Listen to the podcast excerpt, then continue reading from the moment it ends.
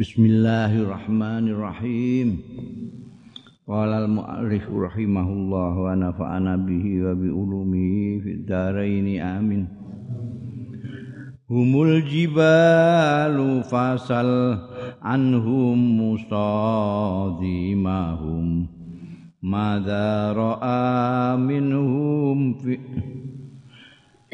karokat mazaro aminhumu fi kulli musatadami wasal kunainan wasal badron wasal uhudan. Fusulu hadfin lahum adha minal wakhami. Hum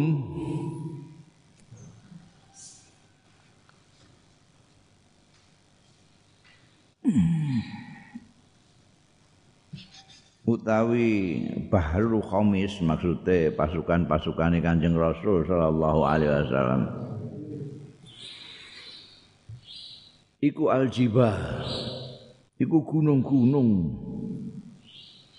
kokoh ndak tergoyahkan. Takwa fasal mongko takono sira anhum tentang mereka Baharul Khomis itu pasukan-pasukan Kanjeng Nabi. Takon sinten? Takon musuh dimahum, musuh-musuh yang tahu ngadepi mereka. Takoni madza ra'a minhum ing apa ningali minhum musuh dimahum minhum saking pasukan-pasukan Kanjeng Rasul sallallahu alaihi wasallam fi kulli mustadami dalam saben-saben medan peperangan. Apa yang mereka temukan? Wasal hunainan. Antakono ing hunain yang pernah menyaksikan peperangan besar antara Pak Kanjeng Nabi Muhammad sallallahu alaihi wasallam dan pasukannya melawan musuh dimahum wasal antakono sira badron ing badar. Di mana seribu lawan melawan hanya tiga ratusan orang. Wasal ukhudan antakono sira ukhudan ing ukhud yang menyaksikan perang besar. Perang ukhud fusul hadbin panen panen kematian lahum kanggo mereka. Adha sing luweh gilani luweh mengerikan minal wakhomi tinimbangane pagebluk.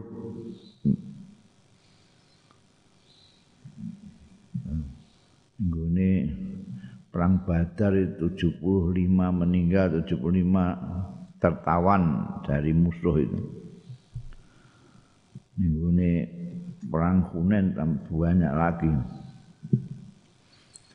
Al musdiril bid Al musdiril bid khumran ba'da ma waradat minal ida kulla muswaddin minal limami. Orang-orang itu pasukan Kanjeng Rasul sallallahu alaihi wasallam iku al musdiril bid sing menarik putih-putih. Kumron dadi abang ba'da mawaradat sakwise nekani. Ya bid mau minal ida saking musuh. Kula muswadin ing saben-saben sing ireng minal limami saking rambut gondrong lima meter. Piye ngomongan ngono iku? Orang-orang yang menarik putih-putih terus jadi merah setelah mendatangi hitam-hitam rambut dari musuh. Jadi pedangi pasukan pasukane Kanjeng Nabi Muhammad sallallahu alaihi wasallam putih mengkilat itu. Tapi setelah ditusukkan ndas-ndase musuh itu yang hitam karena rambutnya ditarik jadi abang mergo berdarah. Itu hmm, mengerikan gambar non iku. Al mustiril bid khumran ba'da waradat minal ida sing asale putih mau jadi abang.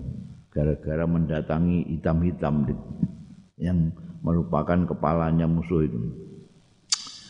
Wal katibina bi sumril khatti ma tarakat aklamuhum harfa jismin ghaira mun ajimi. Wal katibina. Mereka-mereka itu para tentara nih kanjeng Rasul Shallallahu Alaihi Wasallam para sahabat. Iku al katibin orang-orang yang menulis. Orang gupen tapi bisumril khati kelawan tombak soko kayu khot. Kayu khot itu terkenal untuk apa? Tombak untuk bikin tombak. Neng kene sing gawene dienggo anu ya bambu bambu runcing bambu runcing kan dudu tombak ya bambu runcing. Niku ana kayu khot spesial untuk bikin tombak. Mereka ini menulis dengan itu.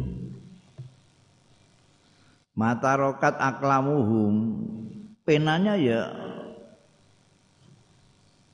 tombak itu Nek nulis mata rokat ora tinggal apa aklamuhum pena-penane katibin, pena-penane Bahrul Khamis. Pena-penane pasukane Kanjeng Rasul sallallahu alaihi wasallam. Ora tinggal harfa jismin ing huruf jisim sing ning awak.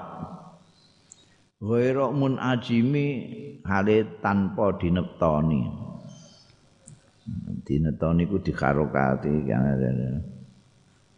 jadi gambar non itu imajinasi ini Imam Busiri itu pasukan Islam itu membawa tombak untuk nulisi tubuhnya lawan-lawan itu. Banyak nulis itu Ora kok mau tulisan tok dikharokati cinton. Jret fathah, jret jret kasroh, jret tanwin. jret jret fathah tanwin. Gambarnya bayang lagu rawak rawek musuh itu. Digambar seperti itu. Sakis silahi lahum sima tumayyizuhum wal wardu yamtazu bisima anis salami.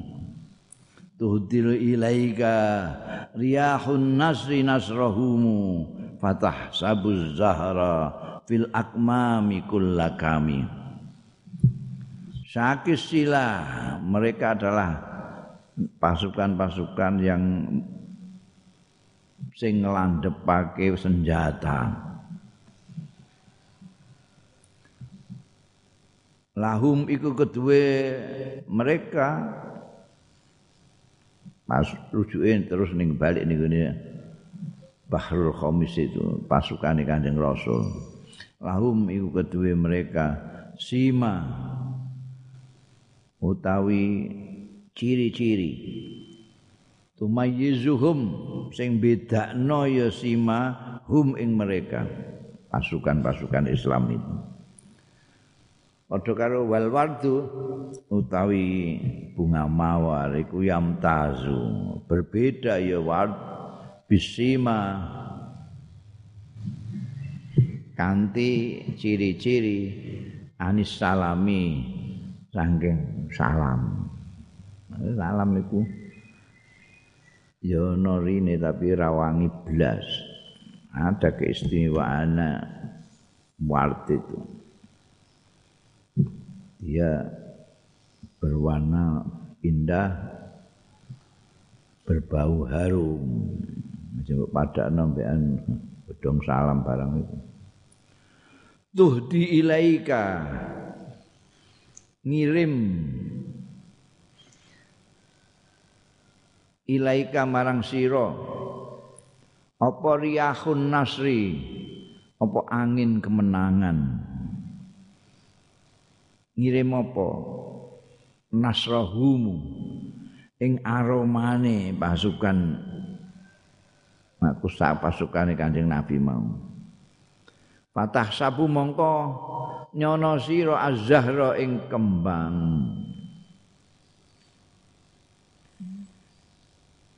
fil akmami ing dalem kelopak-kelopake mbok arani kula kami ing saben-saben pahlawan. Hmm. jadi belum datang pasukan itu. Baru pulang dari medan perang itu gondo angin dari arah mereka itu sudah datang aromanya sudah mengabarkan kemenangan mereka. Ya ada angin kemenangan datang dari sana. Oh ini sudah datang ini pasukan kanjeng Nabi ini. Karena mereka angin kemenangan itu mengirimkan aromanya kepada kita. Hmm, ini pasukan sudah datang ini membawa kemenangan. Maka setiap bunga di kelopaknya kamu anggap wah ini ya pasukan ini, ini ya pahlawan ini. Karena pasukan yang datang pahlawan-pahlawan semua. Sehingga sore iso bedakno antarané wong ambekan kembang itu. Janji ya iki pahlawan. Tasbih ku nemen banget ngono kembang.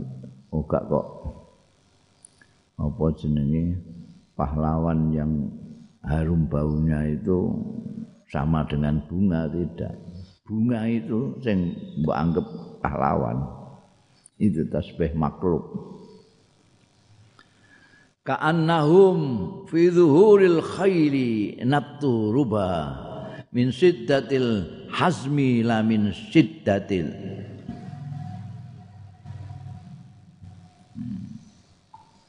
min saddat min siddatil khasmi la min saddatil khuzumi. Itu harokate sing ngarokate tukang cetak itu kongkonane ang angger ini.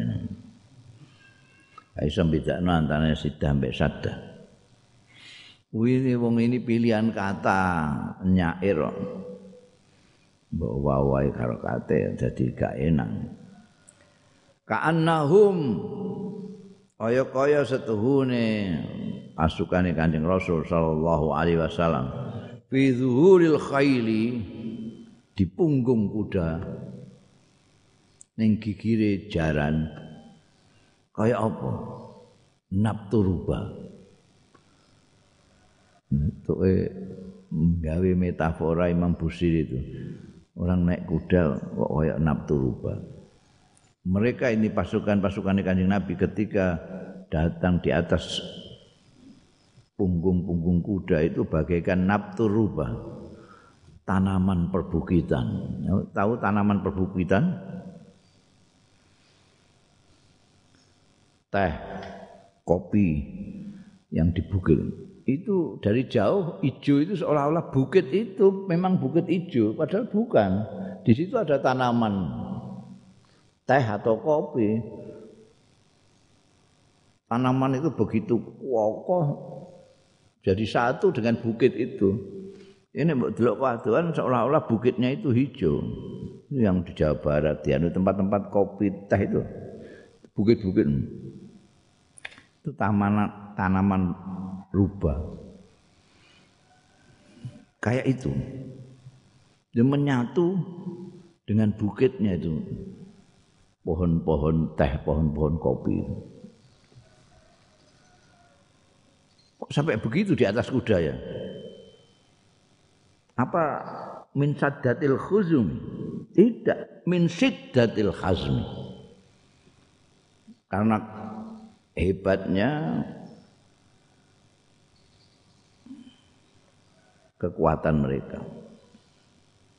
Hazm itu tekad mereka. Karena kekuatan tekad mereka maka mereka jadi kelihatan menyatu dengan kudanya. Ini seperti pohon-pohon perbukitan dengan bukitnya. Lamin sadatil khuzumi. Ini sadar bukan karena ikatan ikat pinggang. Jaran itu ono ditaleni tapi tidak ditalikan ke penumpangnya kan enggak. Bukan min sadatil khuzumi karena ini di lu nek apa sing ma, main rodeo itu memang ditaleni embean apa? Banteng itu. Tapi nek iki gak karena memang apa? Min siddatil hazmi. Karena tekadnya yang kuat mengendarai kuda ini jadi kayak lengket. Seolah-olah kuda dan penumpangnya jadi satu. Mencolot karena mencolot ini tetap kayak tanaman perbukitan ini. Oh, indah banget. Annahum fi zuhuril khairi nabturuba min siddatil hazmi la min saddatil khuzumi Tarat qulubul ida min ba'sihim faraqan fama tufarriqu bainal bahmi wal buhami. Tarat qulubul qulubul ida mabur apa ati-atine wah ilang atiku ilang atine mergo mabur. Tarat mabur ilang apa qulubul ida hati-hatine musuh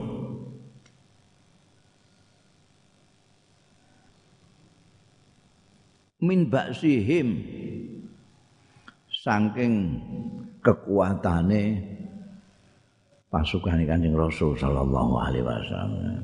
Jadi lagi ngingeti ngene musuh wis ilang atine. Farokon krana wedi. Pamatu farriku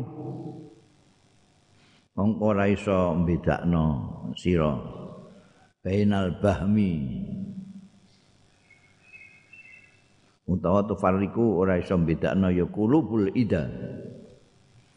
Bainal bahmi antarane cempe-cempe anak wedus anak-anak wedus wal buhami dan para pemberani wong-wong sing berani Jadi mereka itu melihat pasukannya kanjeng Nabi itu musuh-musuh itu saking takutnya hilang hati ini. Jadi ono cempe barang wis dianggap musuh. Wah, ini pasukannya Muhammad yang berani itu. Lho cempe keluyuran ngono, wedi ini belai juga. Tidak bisa bedakan antara ono wedhus sampean musuh ini gak gak ono bedane. Saking wedine wong wedi ngono. Wong ayang-ayange darani gendruwo. Wa man takun bi rasulillahi nusratuhu intal kahul usdu fi ajamiha tajimi wa man takun pasukan-pasukan iki mbek Kanjeng Nabi soalnya Waman takun mongko siapapun tai sapane wong takun kang ana. Bi Rasulillah kelawan Kanjeng Rasul sallallahu alaihi wasallam apa nusratuhu? Kemenangane man pembelaane man intal qahu lamun metuki ing man apa al usdu singa sekalipun. Fi ajamiha ing dalem gerumbul tempat mereka. Ajam itu tempat tinggalnya singa. Singone tajimi. Intal kohul ustu fi ajamia lho nek kluyuran ning gak apa-apa. Iki ning kandangnya sendiri. ya biasanya kandangnya dewi wah wandeli kalau tidak di kandangnya sendiri lagi wedi. Ini ndak di kandangnya sendiri. Kalau ketemu orang yang dibelani oleh kanjeng Rasul Shallallahu Alaihi Wasallam singa di kandangnya sendiri itu tajim mengkeret ya usdu. Ini mengkeret. Ya Allah. Nah, padahal ini pasukan Kanjeng Rasul sallallahu alaihi wasallam itu itu dibelani dan belani Kanjeng Rasul sallallahu alaihi wasallam. Sehingga di kandangnya sendiri pun takut. Walantara min waliyin ghairi muntasirin bihi wala min aduin ghairi munqasimi walantara lan ora bakal ningali sira min waliyin. Tangking bolo dari mana kual min waliyin. Ha walantara min waliyin ing seorang bolo pun asale walantara waliyan. Tapi karena ada minyak tidak ada seorang bolo pun nek makna konvensional tidak ada satu penolong pun. Nek cara Jakarta tidak ada gubernur satu pun. Walantara min waliyin ghairi muntasirin sing ora menang. Bihi kelawan Kanjeng Rasul sallallahu alaihi wasallam Wala min aduwen lan ora seorang musuh pun tidak akan melihat seorang musuh pun ghairi mungkosimi sing ora ambyar. Bahasa saiki ne ambyar hancur kocar kacir ndak karu-karuan.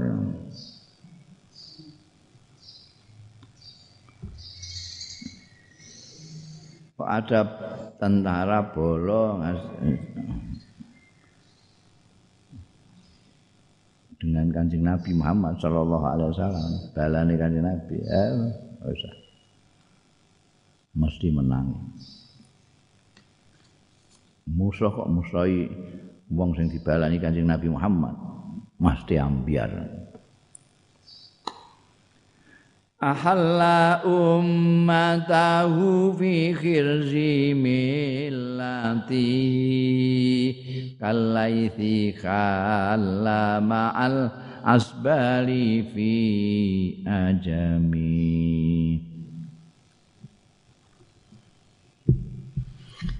manggonake sapa Kanjeng Rasul sallallahu alaihi wasallam? Tujuke ning Rasulillah ahalla manggonake ya Rasulullah ummatahu ing umat Rasulullah fi khirzi millatihi ing dalem perlindungane agamane Rasulullah kalaisi kaya dene singa barong khala sing manggon ma'al asbali sartane anak-anak singa. Fi ajami ing dalam belukar. Belukar itu tempat mereka memang. Belukar itu caranya apa? Gerumbul. Gerumbul ya belukar. Jadi yang banyak tumbuhannya rapat itu mereka di dalam sini ngincer musuh. Dia dengan anak-anaknya. Asbal itu anak singo.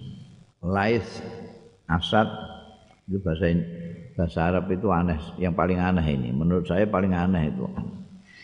Kalau unta, orang Arab bisa menyebutkan sampai 100 lebih. Ada asadun, ya, unta ibilun, unta jabalun, unta nakotun, unta pirang-pirang sampai 100 maklum lah karena di sana banyak unta. Tapi singa ini belum pernah ada kaji pulang dan cerita ketemu singa enggak tahu. Enggak tahu. Baik di ini luaran maupun di kebun binatang. Enggak ada kebun binatang nih kono.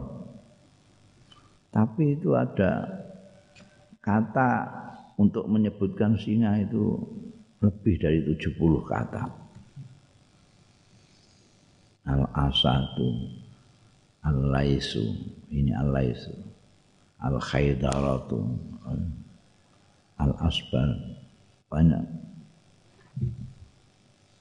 An namiratu Kanjeng Nabi Muhammad Shallallahu Alaihi Wasallam itu menempatkan umatnya dalam perlindungan agamanya.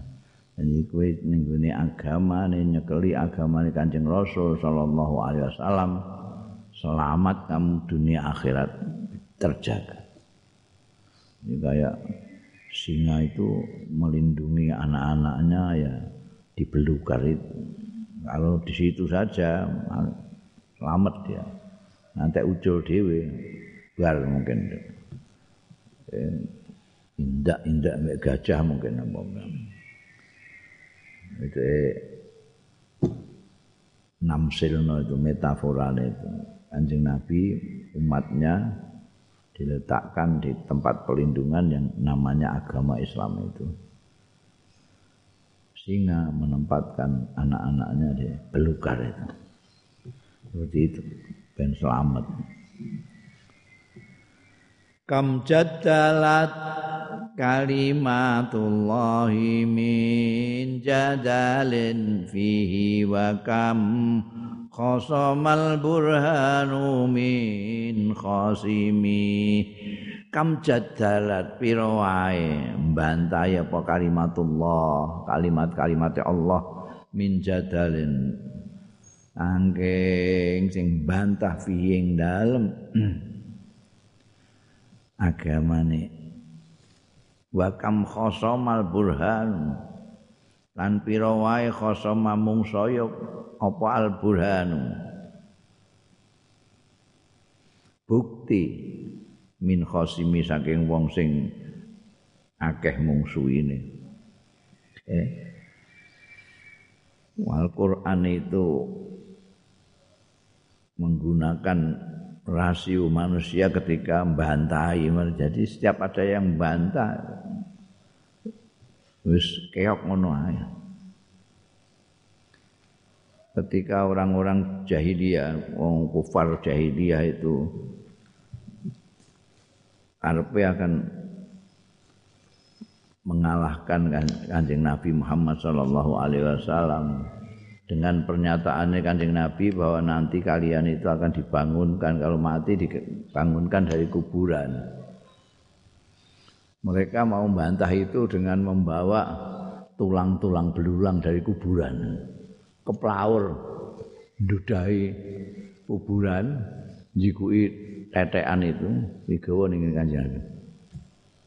Ini yang kamu bilang bisa hidup lagi jadi manusia. Sudah begini ini bisa jadi manusia lagi?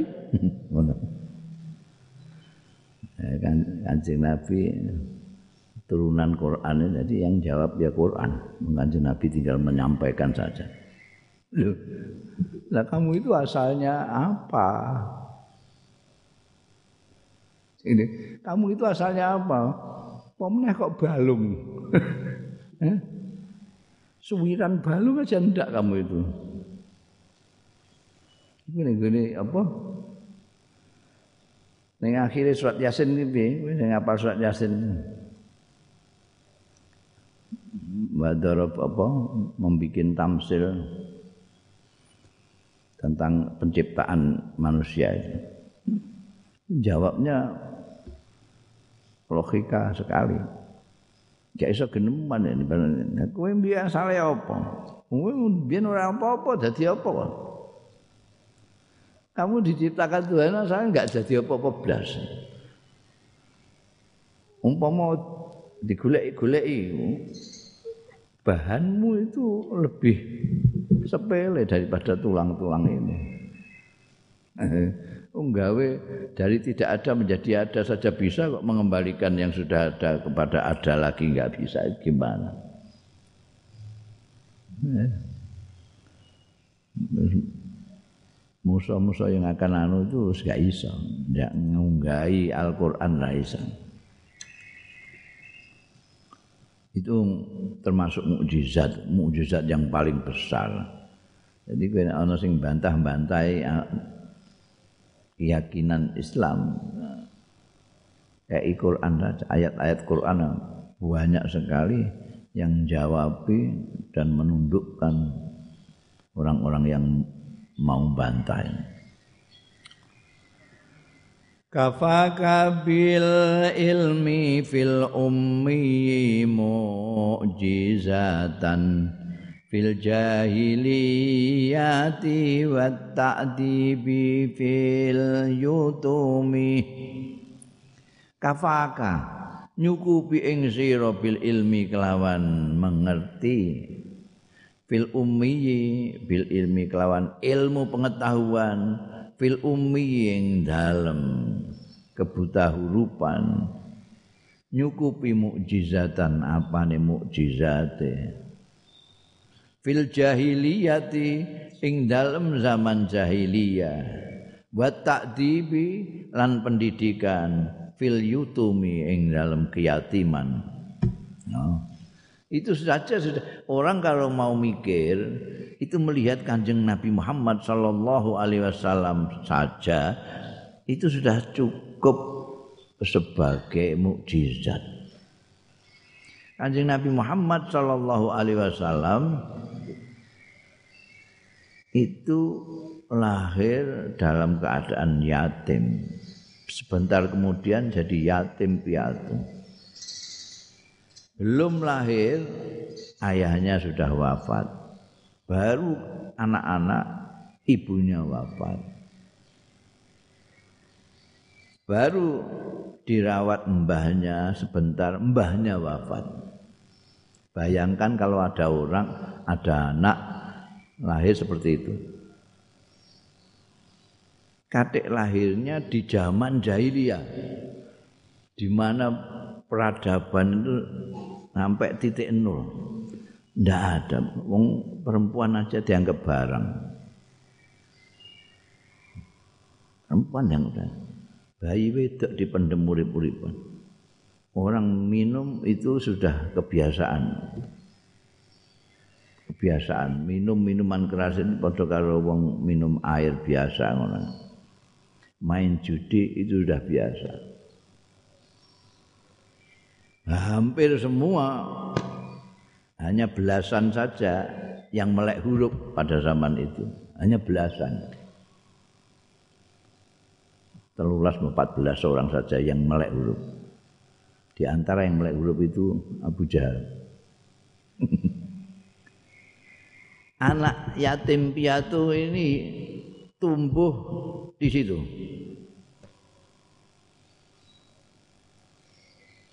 Yatim itu tidak ditunggoni bapak, tidak ditunggoni mbok, sing didik sapa? Mbah, mbah baru sebentar wafat. Siapa yang didik anak seperti ini di alam kondisi lingkungan yang seperti itu terus menjadi seperti Rasulullah sallallahu alaihi wasallam. Orang yang sama sekali tidak pernah menyentuh minuman keras, tidak pernah nyekel kopi. Eh, tidak pernah nyekel kopi. Tiba-tiba mempunyai ilmu yang luar biasa. Siapa yang ngajari? Orang itu kalau tidak diajar di sekolahan ya di rumah. Dididik di rumah atau di sekolah atau di rumah dan di sekolah. Anjing Nabi Muhammad wasallam di rumah siapa yang didik? Sekolah-sekolah apa? Kenyataannya begitu 40 tahun tiba-tiba menjadi seorang yang alim sekali. Jadi ilmunya Kanjeng Nabi Muhammad dan akhlaknya kanjeng Nabi Muhammad sallallahu alaihi wasallam itu mencengangkan. Ya, mencengangkan itu yang namanya mukjizat sebetulnya. Tidak mungkin orang, orang yang posisinya dan nasibnya seperti kanjeng Nabi itu dapat seperti itu. Bisa jadi wong apik saja sudah lumayan. Enggak ada yang didik, enggak ada yang ngopeni, enggak ada yang ngomong di masyarakat yang seperti itu, bayangnya. Itu bisa dihitung dengan tangan yang melek huruf bisa dihitung dengan tangan, yang tidak minum bisa dihitung sama tangan dari jini, jari-jari, yang tidak main bisa dihitung jari-jari, yang tidak semena-mena terhadap perempuan juga bisa dihitung jari. Dan semua orang menyaksikan semua itu Nabi Muhammad Wasallam lahirnya itu tahu. Wong Abu Lahab sampai memerdekakan budaknya yang mengabari kelahirannya Kanjeng Rasul sallallahu alaihi wasallam. Dia tahu ketika apa namanya malah ikut ngurus ketika Kanjeng Nabi Muhammad sallallahu alaihi wasallam dibawa ke Halimah Asad untuk di susoni di desa itu. Ing desa sapa sing didik? Wong iku boro nyusu tok. Jadi semua tahu persis kanjeng Nabi itu mencengangkan tiba-tiba lalu menjadi itu. Kalau tidak karena tidak berbarengan dengan hidayahnya Allah, semua orang Mekah itu mestinya kudu iman kabeh. Tapi karena hidayah yang menentukan. Antara Abu Jahal sama Umar bin Khattab ini sama-sama kenceng keras sekali. Kalau kepada Kanjeng Rasul Shallallahu Alaihi Wasallam dan orang-orang Islam. Yang masuk Islam itu kan banyak kan orang-orang melarat-melarat itu, cepede-cepede itu. Oh, jadi Abu Jahal nama sahabat Umar dan lain-lain mau enaknya memperlakukan mereka. Wani no Kanjeng Nabi membaca Quran waploi kaplak ketika Kanjeng Nabi Muhammad mohon kepada Allah Subhanahu wa taala minta supaya salah satu aja dari Umarain ini Amr sama Umar ini untuk masuk Islam supaya nguati Islam. Allah memilih Umar bin Khattab. Maka apa namanya masuk Islamnya Umar seolah-olah seperti mendadak. Mengharap mata ini kanji Nabi kok terus jadi sowan syahadat. Aneh. Bukan aneh itu hidayah. Karakter anu barang kok kayak Abu Jahal. Satu mendapat hidayah satu tidak. Abu Jahal itu apa tidak tahu kalau kanji Nabi seperti itu itu aneh mencengangkan. Tahu. Nah, saya kan sudah ngomong, Abu Jahal itu bukan karena tidak tahu, dia tahu tapi angas. Angas itu gak gelem, nggak mau gitu. Dia tahu itu benar kan, Nabi Muhammad itu benar. Bahwa yang diomongkan dengan Nabi Muhammad itu bukan syair, bukan puisi, bukan prosa, itu tahu.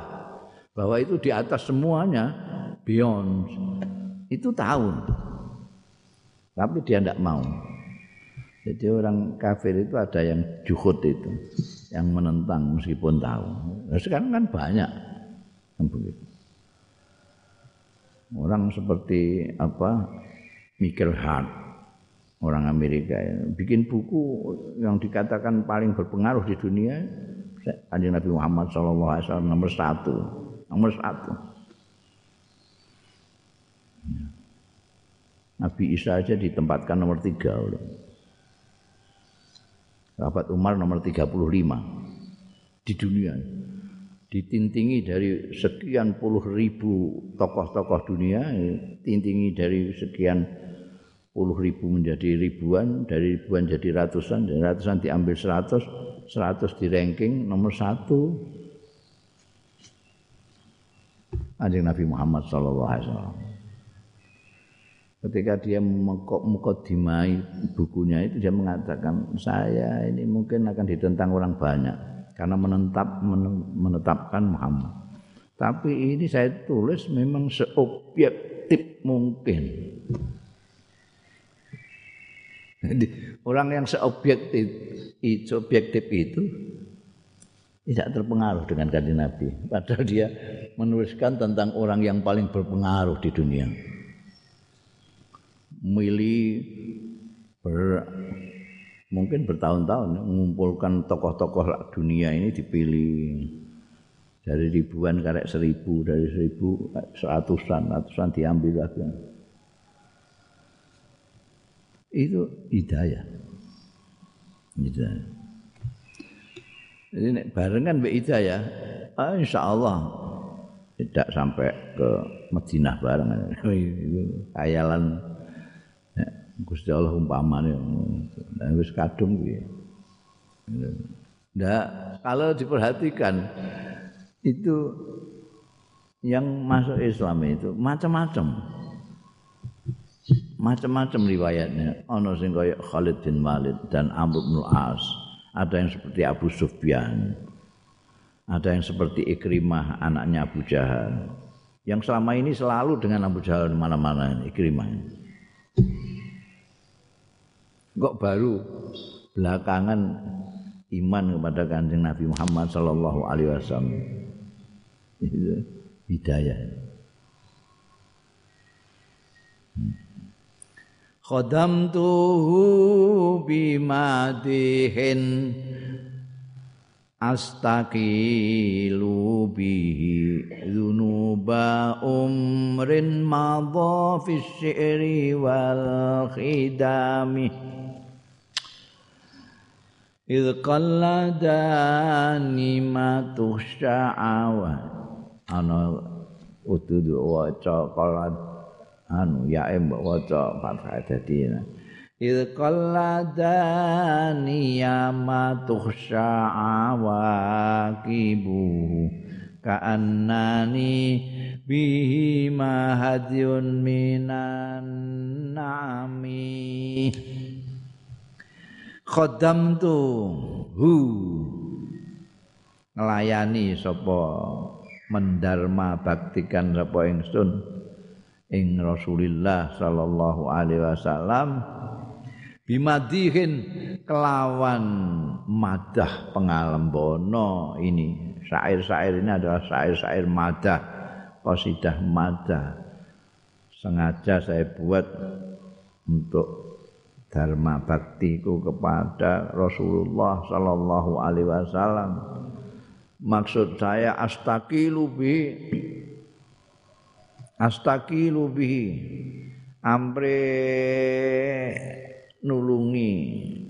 Ampre mohon pertolongan. Ngangkat. Asalnya kepleset terus diangkat. Saya minta supaya diangkat. Astaqilu bihi kelawan Kanjeng Rasul sallallahu alaihi wasallam. Astalik astakilu dari apa itu? Dzunuba umrin. Astakilu bihi dzunuba umrin ing dosa-dosa seumur-umur ini. Saya seumur-umur ini Masya Allah dosaku banyak sekali. Kalau enggak ditolong oleh Kanjeng Rasul sallallahu alaihi wasallam. Caranya bagaimana? Ya bimatihin itu. Bihi ki rujukno ning gone madih saja kan. Kodam tuh ning gone Kanjeng Rasul. Aku melayani Kanjeng Rasul bimadihin dengan pujian astaqilu bihi. Bihi bilang dengan mati eh mudah-mudahan dengan memuji-muji Kanjeng Rasul ini dosa-dosaku seumur-umur ini bisa ditolong.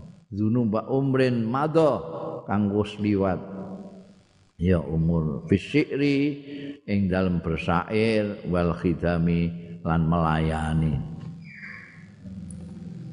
Id qalladani jalaran ngalungi ya syair lan khidam. Ngalungi mak ing barang tuksa kang dikuwatirake apa awaki akibat akibate ma kaanani kaya-kaya stune ingsun bihima kelawan syair dan khidam iku hadiun atur-atur minan naami sangking ternak. Ternak itu bisa unta bisa kerbau bisa sapi bisa kambing. Hadiu itu atur-atur itu sesuatu yang dibawa ke Mina itu sama orang-orang yang haji umroh untuk dihadiahkan disembelih nih Mina. Disembelih jadi kalungi jadi orang melihat oh itu kok sapi itu ada kalungannya. Oh, kalau itu hadiu kalau itu itu atur-atur mau dibawa ke Mina mesti itu. Wedus dikalungi. Ada tandanya kalungi. Oh ini hadiu. Nah, Imam Busiri itu melihat itu semua sebagai metaforanya diri beliau.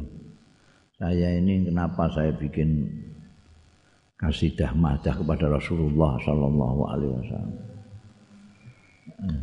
Ya, saya mengharap ini bisa mengangkat keterperosokan saya karena dosa-dosa saya selama ini. Seumur umur saya itu kok bersair dan melayani orang. Dan dulu itu mata pencahariannya penyair itu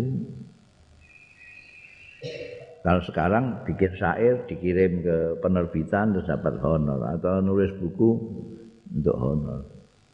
Atau jadi juri baca puisi untuk honor. Itu itu, itu kan dulu itu caranya enggak begitu. Jadi dia menemui pejabat-pejabat. Apa itu adipati-adipati di daerah-daerah mereka. Kalau memang dia terkenal ya adipati yang rodok gede lah. Nek cara saiki wis gubernur ora terima bupati. Apalagi mau camat. Tergantung kualitas puisinya dia.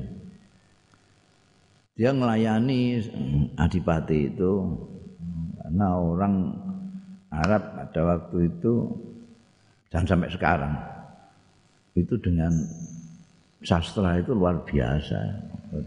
Makanya mujizat kanjeng Nabi yang terbesar adalah di atas sastra itu Al-Qur'anul Karim. Jadi adipati-adipati itu seneng. Jadi diwacana puisi ngelem dikne. Ngelemnya saben dina ganti. Sing dilihat dari sudut pandang yang lain. Iki gantenge, iki terus lomane, kendele. Ku setiap kali terus diuncali. Apa pundi-pundi duit jeret. Wah, itu kanggo beberapa bulan itu entek mara neh golek neh. Genti ngelem anake apa piye ngono. Eh, itu penggawean ngono iku ya meh saben penyair. Penyair. Penyair anu nulis bangga ngguri-ngguri ya. Mau iku jenenge ngladeni adipati-adipati. Iku Imam Busiri juga gitu. Imam Busiri diundang Imam Busiri ya sejak bikin burdah ini. Dulu ya wis penyair-penyair biasa saja. Mau burdah ini saja ndak ada bismillah barang kok langsung amin tadzakuri jironin. Yang ono bismillah alhamdulillah kan mengguri-guri ku. Malah Imam Bajuri malah gawe sarah sing isine klenik. Jadi nek bet iki mbok waca iso ngipi ketemu Kanjeng Nabi, nek bet iki mbok pendem ning gone sawahmu tikus rawani baksan ngene. Iku saking dasate Imam Busiri gawe syair sampai ngantek gitu. Enggak ada saya kira ning dunia iki syair yang dibikin jimat barang gak on. iki mau, mau Imam Busiri to. Iku yo mandi tenan. Kowe nek sawahmu ana tikuse, iku jikokno iku mau mulai dari humul jibal fasal musa dimau. Mbok tulis desok ning pojoke sawah papan. Tikus wedi. Iku piye ngono iku? Padahal biyen iku ya penyair biasa kayak liya-liyane iku golek dhuwit ning mara ning gone wong-wong pangkat. Kabarnya ning kene kabare itu di luar Jawa masih ada yang gitu. Jadi penyair-penyair itu kalau misalnya dapat undangan ke Jakarta gitu, golek sangune mara ning gone gubernure bupatine gawe syair. Ngelem kotane apa ngelem apa jenenge gubernure? Terus kayak sangu. Golek sangu ngono. Di di Arab sekarang aja masih gitu masih begitu. Saddam Hussein ketika kepepet nah dia mengundang penyair-penyair seluruh dunia. Seribu penyair dalam apa bikin mahrojan mahrojan namanya mahrojan mirbit. Mirbit itu sama dengan uh, ukaz kalau di Arab ukaz tempat guguan syair guguan prosa itu. Kalau di Irak itu mirbit. Dulu juga sama dengan ukaz pasar hewan. Wah dari beberapa negara datang semua. Termasuk dari Indonesia. Aku melok untuk misbok itu semua penyair-penyair ngelem Saddam atau ngelem Irak. Ngelem Saddam. Di sini ada penyair satu rombongan saya itu, mbok saya diusulkan ikut membaca puisi sama panitianya. Wah, puisi sampean tidak cocok dibaca di sini. Lu kenapa? Ya sampean itu dengarkan itu semua. Mereka kan nggak ngerti cara Arab kan. Mereka ini semuanya puisinya itu kalau nggak ngelem sadam, ngelem fau. Fau itu daerah yang dibuat rebutan dengan Iran dulu itu sampai perang Ramena. Atau ngelem Irak Nah, puisi belas tidak ada sangkut pautnya dengan Saddam, tidak sangkut pautnya dengan Irak. Nah, semuanya. Dan yang mendapat penghargaan dari Saddam Hussein, ya yang ngelem pada Saddam Hussein luar biasa. Nah, itu Bian Imam Busingun, dia merasa sekarang ini setelah beliau sepuh ini kemudian dia merasa risih. Aku mbiyen kok ngono iku piye? Jangan-jangan itu yang jadi molo saya. Seperti saya ini dikalungi terus ini. Dikalungi dengan itu tadi profesi dia selama ini. Maca puisi gawe puisi adipati terus melayani adipati ini seolah-olah itu menjadi tengernya dia untuk dibawa ke tempat sembelian ya. Ka'annani bihi mahadyun minan na'am. Wedi, sange wedine terus gawe mati kepada Rasulullah sallallahu alaihi wasallam. Atau tu ghayyas siba wallahu a'lam.